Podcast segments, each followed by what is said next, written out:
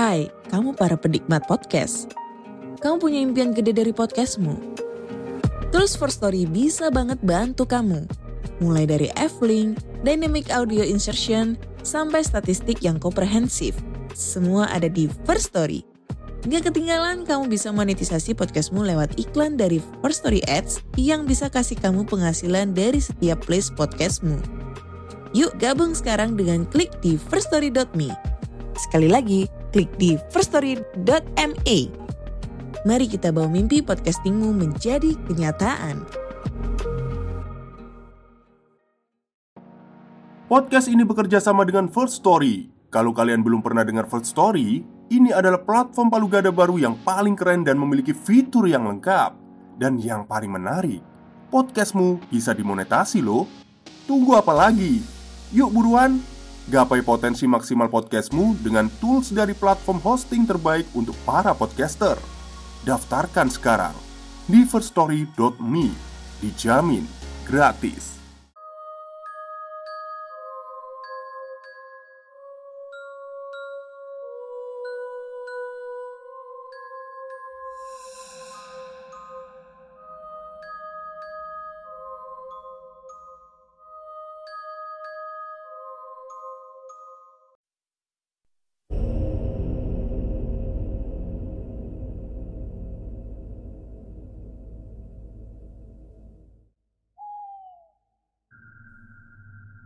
Assalamualaikum warahmatullahi wabarakatuh. Halo semuanya Jumpa lagi dengan saya Chow Sing Sing Kurator dari podcast horror Night Story. Halo apa kabar semuanya? Semoga kalian semua baik-baik saja ya.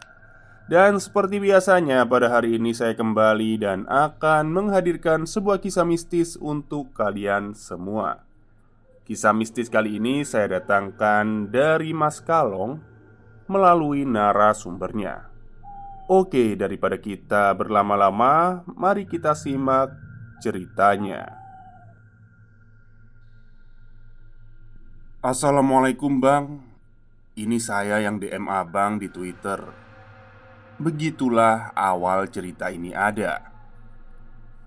Namanya Arya, samaran. Dia cewek dari Bandung. Bisa dikata, dia ini punya banyak pengalaman horor ketika di tempat kerja. Sering ditampakin setan, tapi sayangnya Arya ini nggak bisa komunikasi atau berinteraksi dengan mereka. Awal mulanya ketika umur tiga tahun, di saat ibunya meninggal dunia. Tepatnya waktu malam ketika tahlilan. Arya melihat Ada sosok yang menyerupai ibunya sedang melambaikan tangan ke arahnya. Tapi Karena Arya ini nggak bisa dengar Dia cuma bisa ngelihat gerakan bibirnya saja. Kalau nggak salah nangkep Sosok itu ngomong seperti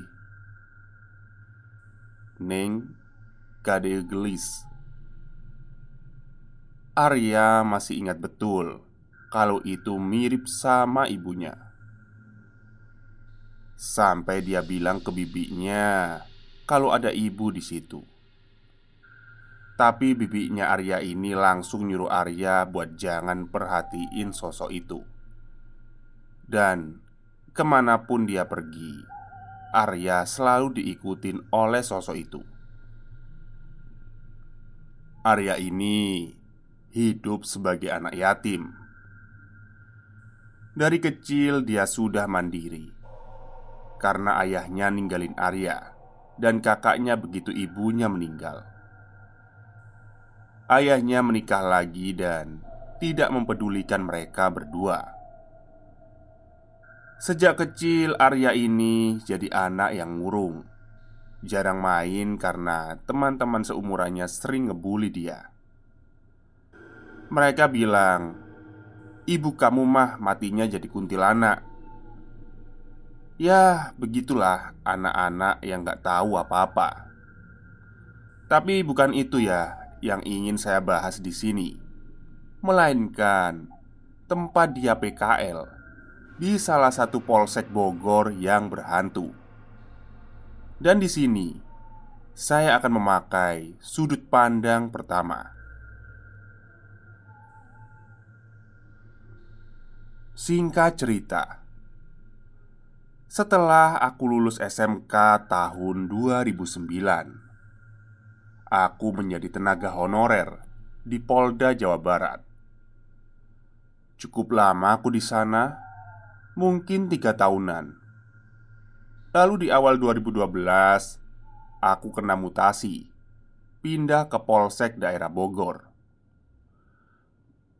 Mau gak mau, aku harus mau karena aku juga butuh uang untuk biaya hidup.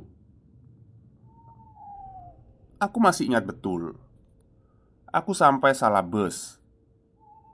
Sore itu, aku pergi ke daerah Parung Baru. Seharusnya aku naik dari terminal Lewu Panjang, tapi aku justru malah naik dari Cileunyi. Jadi, Aku sampai di Ciawi itu tengah malam. Sesampainya di Ciawi, aku melihat di sana ada sebuah warung kecil, namun sudah tutup. Aku jalan ke arah sana, lalu duduk. Kurogoh ponselku di saku. Lalu aku ngabarin kanik sers polsek Berharap aku bisa dijemput oleh anggotanya dan syukurnya ada yang mau jemput aku di Ciawi. Malam itu belum ada yang janggal, aku masih merasa biasa saja. Tapi suasana malam begitu sepi. Entah kenapa, kendaraan jarang sekali ada yang melintas, membuat malam itu terasa sangat lama. Ku peluk tas ranselku. Aku takut kalau ada orang jahat yang mendekat. Sampai tiba-tiba mataku terasa pedas. Aku ketiduran sepersekian detik. Kalau orang Sunda menyebutnya nundutan.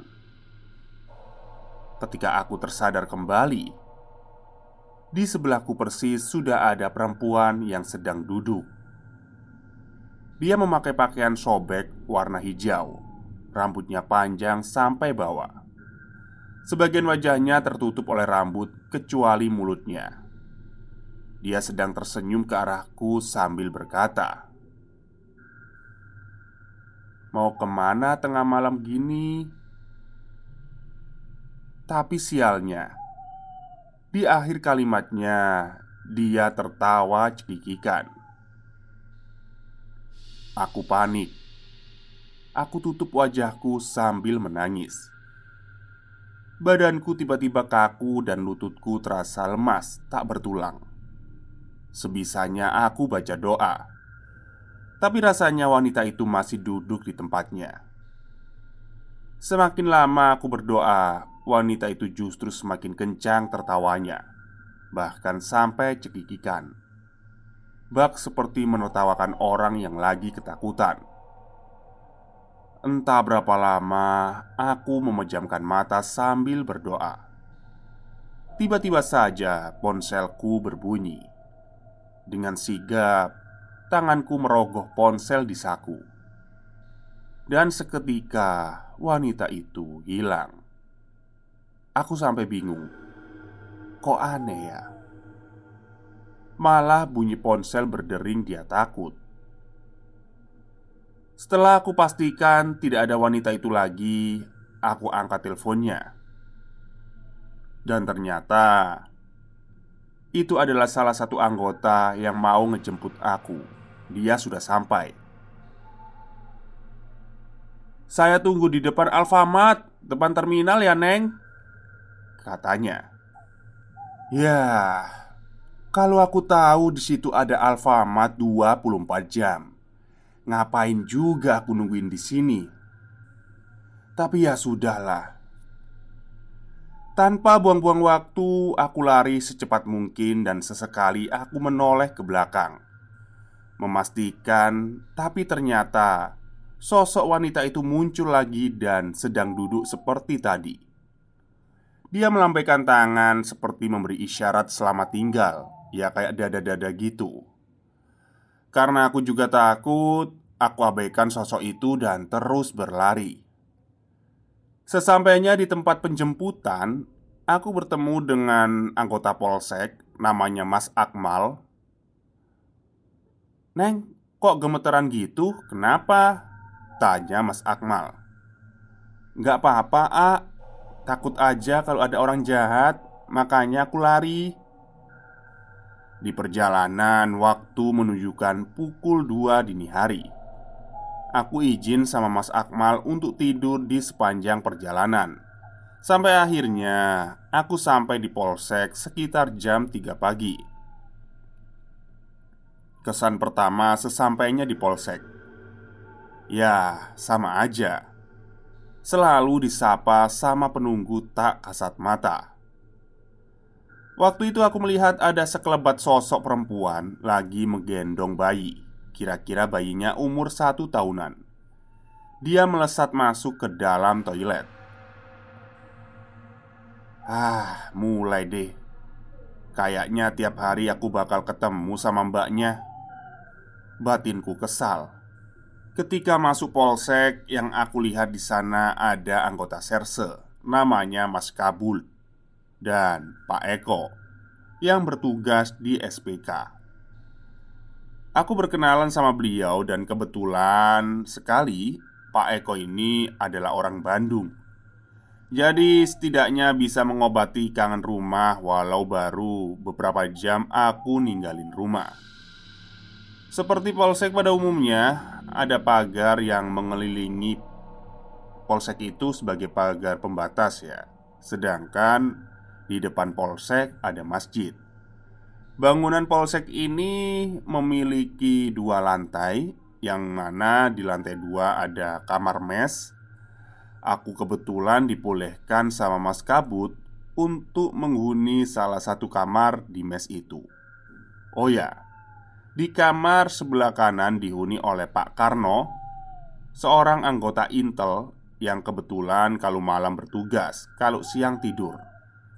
Sedangkan di sebelah kiri dihuni oleh Pak Hari, bagian patroli. Beliau jarang menempati karena sering pulang ke rumah, kecuali ketika piket malam. Sekitar jam 4 lebih, suasana masih sepi, sedangkan Pak Heri dan Pak Karno belum balik bertugas. Aku berjalan menuju kamar mes di lantai dua ditemani oleh Mas Kabut. Assalamualaikum. Aku mengucapkan salam Sebelum masuk ke kamar. Tiba-tiba aku mendengar dengan jelas Ada yang menyahuti salamku Waalaikumsalam Suaranya perempuan agak serak Sedangkan di situ hanya ada aku dan Mas Kabut Aku kaget dan menatap Mas Kabut yang ada di sebelahku sebentar. Selamat datang ya, Neng. Semoga akrab. Hehehe. Celetuk Mas Kabut spontan. Loh, aku pun kaget. Kok Mas Kabut bisa tahu kalau ada yang ngejawab salamku? Ketika aku tanya, dia buru-buru pergi tapi sebelum Mas Kabut bergegas turun, Mas Kabut memberi peringatan padaku.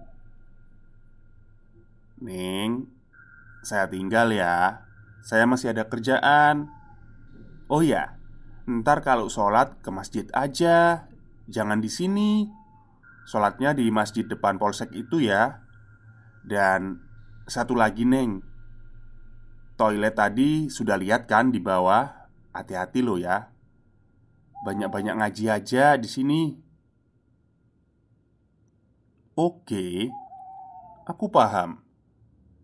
Jadi para pekerja di sini sudah banyak yang tahu tentang gangguan-gangguan ini. Baiklah. Balik lagi ke cerita. Sebelum aku tidur, aku sempatkan untuk mengabari orang di rumah sembari menunggu adzan subuh. Dan waktu yang aku tunggu pun tiba. Adzan subuh berkumandang Waktunya sholat subuh Ternyata peringatan soal sholat di masjid itu ada alasannya Dan aku benar-benar lupa soal itu Setelah wudhu aku langsung menunaikan dua rokaat subuh di kamar. Baru rokaat pertama. Tepat di belakangku ada makmum perempuan. Dan Perempuan itu yang sempat aku lihat di bawah. Perempuan yang menggendong bayi. Jangan terganggu sama yang di belakang please. Itu setan, itu setan. Batinku waktu itu Dan tahukah kamu Rasanya sholat subuh Itu berasa kayak sholat raweh Lama banget sumpah Sedangkan wanita yang di belakangku itu semakin lama mengeluarkan suara cekikikan dan semakin girang. Setelah merasakan kengerian itu, akhirnya dua salam aku ucapkan dan selesai. Tapi walaupun begitu, aku mengucapkan salam dengan mata terpejam. Aku benar-benar takut. Itu pun, aku duduk terus di atas sajadah sampai aku ketiduran. Dan gak lama Aku mendengar Ada orang yang menggedor pintu Woi, tetangga baru, bangun Udah setengah tujuh Itu adalah suara Pak Karno Aku buru-buru bangun dan lari ke kamar mandi bawah Kebetulan di kamar mandi ini ada cermin gede banget Jadi ketika aku lagi gosok gigi sambil nunduk Aku merasakan di belakangku ada sesosok wanita yang menggendong bayi itu. Tapi pas aku bangun, sosok itu hilang. Ya ampun, sampai mandi aja diikutin. Selesai mandi dan pakai pakaian kerja, aku langsung keluar cari sarapan. Dan tak lupa aku juga, aku menyapa para anggota yang sudah ada di kantor. Di sana ada anggota yang nyeletuk bilang begini Wah, anak Bandung hebat-hebat ya Semoga betah ya temenan sama Nyai di sini. Hehehe. Aku nggak begitu menggubrisnya. Aku hanya melempar senyum. Mari pak, saya cari makan dulu. Sesampainya di warung, ternyata sudah ada salah satu anggota yang sedang sarapan juga. Neng baru ya? Yang dari Bandung itu? Tanya anggota polisi itu Iya pak, nama saya Arya Oh, Arya Semoga betah ya Tapi ingat Kalau sholat di masjid aja Dan satu lagi Kamu cuma diisengin Gak akan sesadis kayak ke anggota lain. Soalnya kamu dijagain sama sosok ibu kamu. Hehe, makasih ya pak. Oke, saya duluan ya.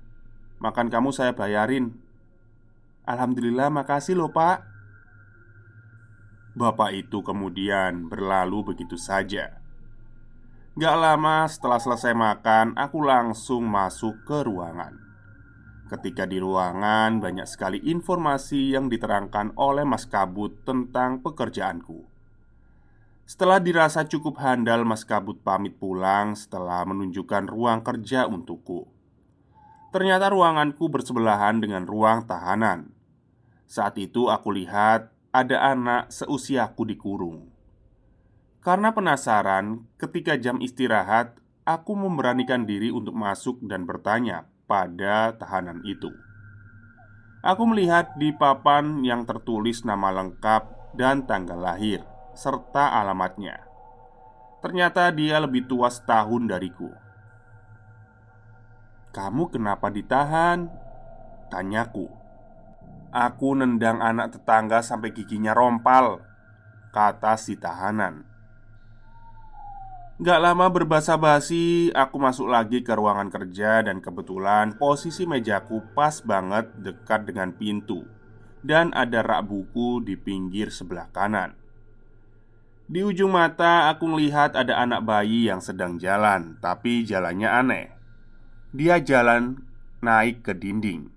Sontak aku langsung baca doa sebisaku. Dan akhirnya sosok itu menghilang Oh bayinya itu kayak ngerayap di dinding gitu ya Kayak cicak gitu. Ya Allah Ini baru sehari Gumamku begitu. Jam kerja pun selesai. Aku langsung mandi kemudian sholat asyar Dan Alhamdulillah sholatku lancar. Aku gak peduli ada gangguan di belakangku. Ya, akhirnya bisa rebahan walaupun di sini panasnya luar biasa. Singkatnya, adzan maghrib berkumandang dan aku langsung ke masjid depan polsek. Setelah sholat, aku ke warung padang dulu buat makan dan tibalah waktu yang aku tunggu. Teleponan sama Ayang.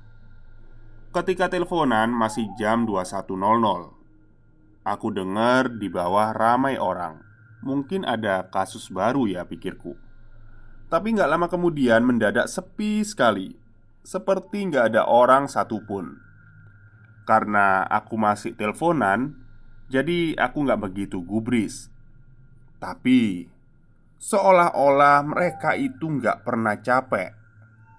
Tiba-tiba saja aku dengar ada yang mainin sandal jepit swaluku Ketika aku tak jamin pendengaran ternyata benar. Sandal jepit itu bergerak seperti jalan di tempat. Aku mendekat. Telingaku kutempelkan ke pintu dan semakin jelas, semakin cepat Seperti berlari di tempat. Pikirku mungkin itu ulah anggota yang iseng. Aku bilang ke pacar kalau ada yang iseng. Kebetulan kita lagi video call Aku sengaja mau langsung pergokin dia. Pas aku buka sambil pegang HP Itu sendal masih di posisi lari Di tempat tanpa kaki. Sontak aku langsung banting pintu. Lari ke arah kasur dan nutup pakai selimut. Malam itu aku nggak ingat Karena aku tiba-tiba saja ketiduran. Dan akhirnya subuh pun datang Aku langsung mandi dan sholat Dan gangguan itu hilang begitu saja. Tapi ternyata Aku salah. Malam berikutnya Sekitar jam 22 Aku mendengar ada yang berteriak minta tolong. Suara itu berasal dari bawah dan aku langsung buru-buru turun. Pas aku lihat di ruangan tahanan Si Ilham Tahanan itu sedang menangis kejer di pojokan dia ketakutan Loh, Mas Ilham kenapa? Kok nangis? Bukannya dia menjawab pertanyaanku Dia malah mau pinjem HP Katanya mau telepon mamanya Kak, saya boleh pinjem HP buat nelpon ibu? Ya karena aku kasihan ya, aku pinjemin dia Dan si Ilham itu langsung nelpon ibunya sambil nangis Inisiatif aku ambilin air mineral supaya dia tenang. Lalu setelah tenang, dia cerita ke aku. Kak, tadi di kamar mandi tahanan ada yang gelantungan kayak tambang gitu. Terus tali tambangnya berayun ke kanan ke kiri. Terus ada suara perempuan. Ilham, sini, Ilham sini. Gitu, Kak. Aku takut, Kak. Makanya aku nangis di pojokan. Di sini, aku ngobrol sama Ilham dibatasi sel ya. Terus aku tengok ke kamar mandi tahanan. Jadi, kamar mandi tahanan ini memang tanpa pintu dan tanpa lampu. Ketika aku ngelihat memang ada sosok wanita itu lagi Dia sedang menggendong bayi sambil tersenyum Dan ternyata Bayi itu memiliki gigi runcing dan hitam. Sontak saja aku langsung beristighfar dan pamit ke Ilham. Gak tahu deh nasib Ilham gimana waktu itu.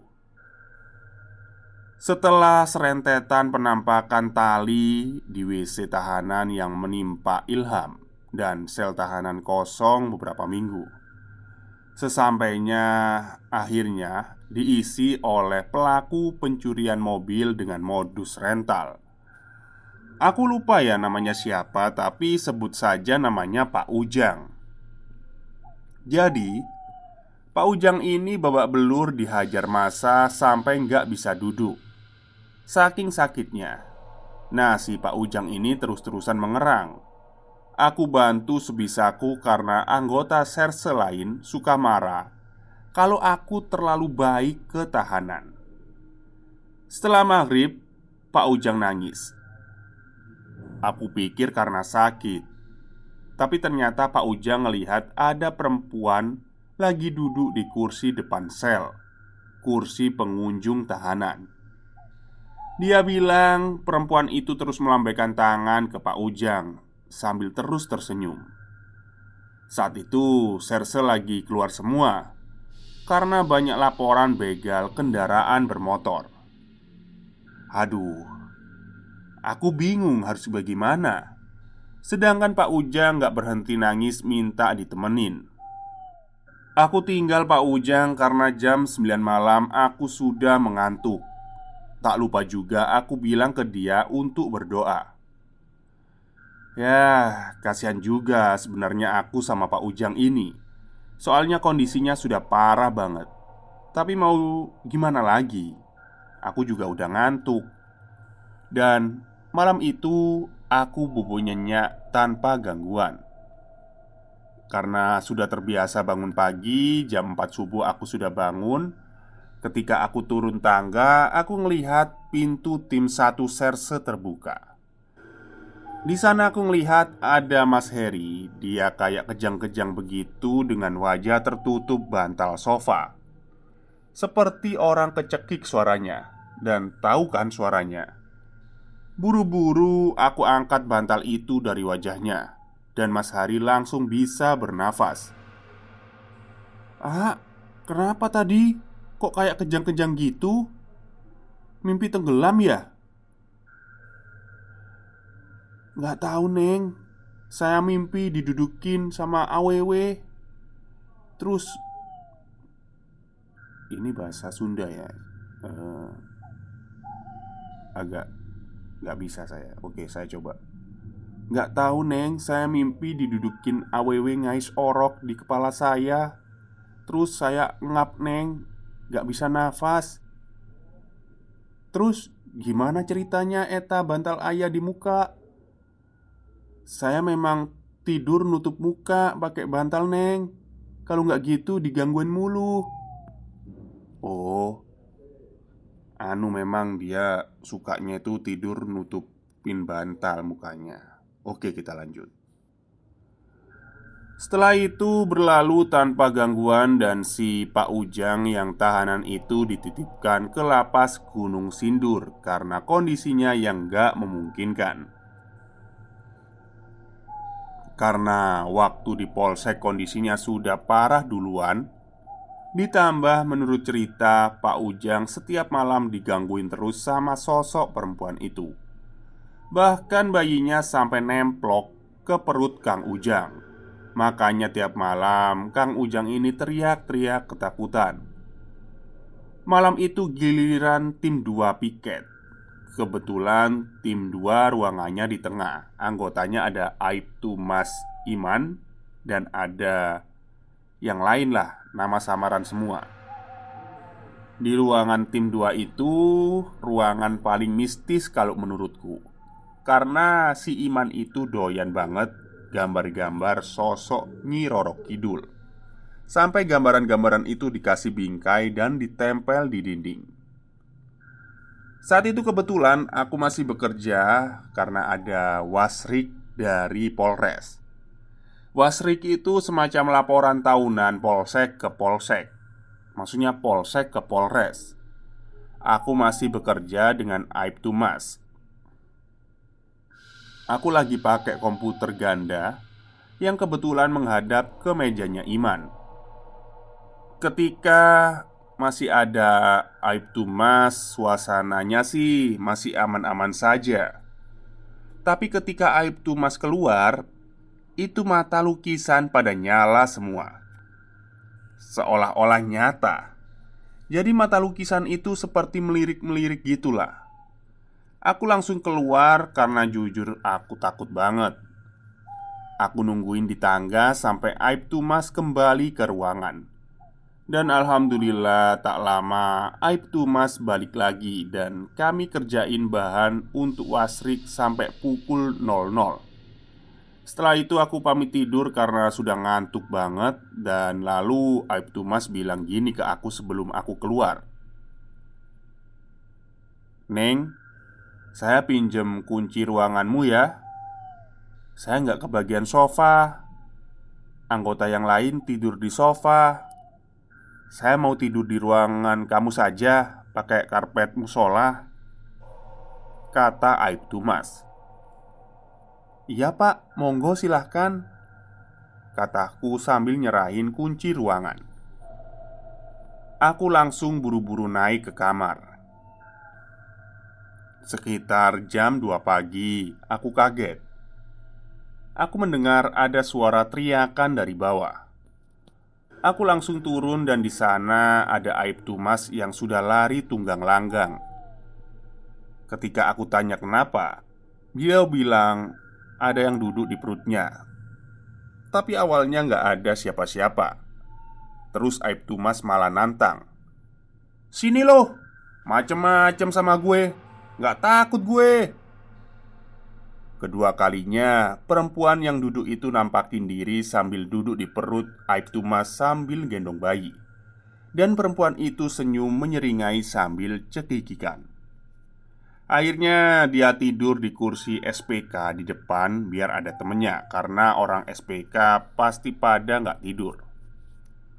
Sebenarnya ruang tahanan ada isinya itu menjadi nilai plus buat aku. Karena Sosok perempuan dengan bayi itu gak bakal gangguin aku. Dia lebih memilih gangguin para tahanan Dan kebetulan beberapa minggu ini masih tahanan rame. Sampai ada kejadian yang lucu Ada lima pengedar sabu-sabu yang ketangkep Pas di dalam sel Mereka semua ketakutan ketika melihat perempuan setan itu nampakin diri Sampai akhirnya Kelima orang itu mutusin buat sholat jamaah mendadak soleh lah intinya. Saat itu mereka sholat subuh. Aku turun dari kamar kebetulan Mas Kabu juga mau sholat ke masjid. Karena beliau sedang piket juga, kita mergokin kelima tahanan itu sholatnya salah. Heh, kalian ngapain? Tanya Mas Kabut. Sholat bang. Eh, kiblatnya salah, bukan di sana. Kata Mas Kabut. Aku yang ngedenger itu sampai tertawa. Niat mereka sudah bagus sih, tapi tetap aja salah kiblat. Mas Kabut karena juga penasaran, dia nanya, "Kenapa kamu semua mendadak sholat?" Katanya, "Karena tiap malam mereka digangguin sama kuntilanak bawa bayi." Aku dan Mas Kabut sudah terbiasa sih, cuma bisa tertawa. Mas Kabut malah bilang begini, Oh, pantesan gak keliling dia Ternyata sekarang hobinya gangguin pengedar sabu Masih di pagi hari, siang kalau nggak salah Aku kebelet pipis. Aku lagi nungguin orang keluar dari WC Kok lama ya? Kira-kira 15 menitan aku nunggu karena di dalam ada suara keran menyala. Aku gedor-gedor kok nggak ada yang nyautin.